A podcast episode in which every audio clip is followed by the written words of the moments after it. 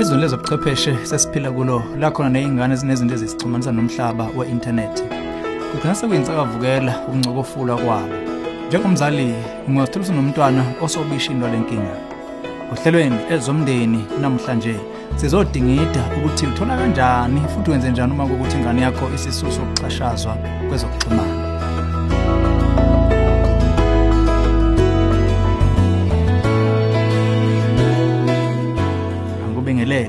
Ezomndeni uhlelo kulethela izeluleko eziphathekayo ngabaka focus on the family.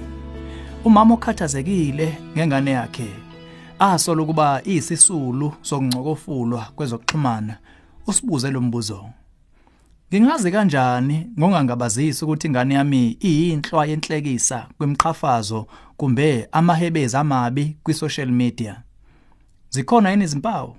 Uma kuwukuthi ngempela ingane yami yenziwa umantindane kwezokuxhumana, ngingayisiza ngani mina? Uma usola ukuthi ingane yakho iphansi kokuxhashazwa kwezokuxhumana, sikhuthaza uthatha isinqumo esinesenzo phakathi. Okokuqala, ukuyiqonda ingane yakho ngokukhathazile. Ungaqala ngokubuza imibuzo ethi, i-social network ikuphethe kanjani? Kodwa yazi phambili ukuthi kunokwenzeka kungabi iselula ukuza ngalelo. Ingane exhaphazeka kwezokuxhumana zingaba nezathu zazo ukugcina lokho kuyimfihlo. Zingaba namahloni, zibone ziphoxekile. Zisengesabo ukuhlushwa okusengaqhamuka uma sixoxa ngesimo.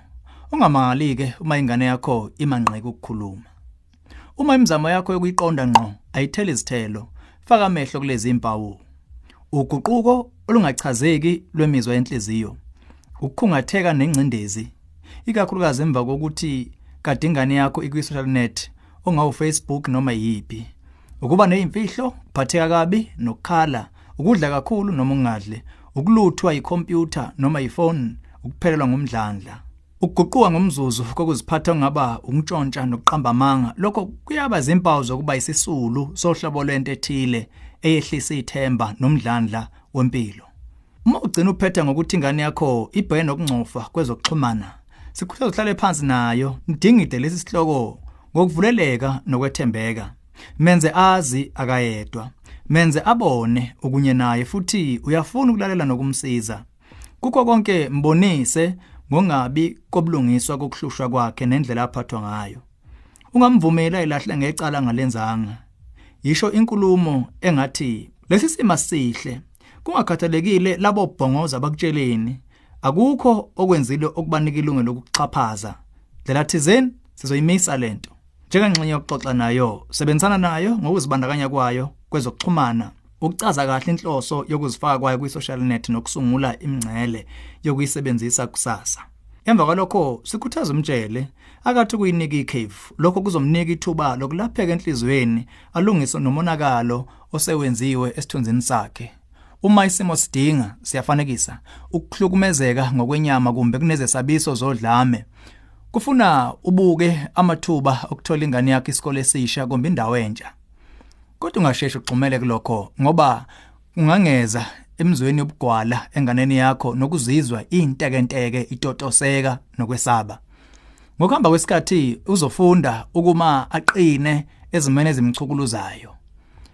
Emzameni yokusiza ingane yakho komele ohleni lwakho babe khona abadala obethembayo ukukusizeni ongaba umphathi wesikole umeluleki umfundisi umphathi wabasha umhlobo womndeni. Kwenze kube lisiko lakho ukuyijwayeza isimo sendawo yesikole sengane yakho wazi nothisha abaneqhaza lokuxhumana nabafundi ekwengezeni zizwele emukelekile ukuthinta umnyango wezokwelulekwa efocus on the family. Kubasebenzi bethu abakulungele ukukusiza ngocingo baphinde baxhume nabaluleki ababhalisiwe ngokusemthethweni abaseduze nawe. Inombolo ithi 031 716 3300 okusemqoka ungalokothi ushiya ingane yakho kule nkinga yesimo ibhekene naso iyodwa. Lolu hlelo ezomndeni ulethulelwe yi-focus on the family sihlangabezwa ohlelweni oluzayo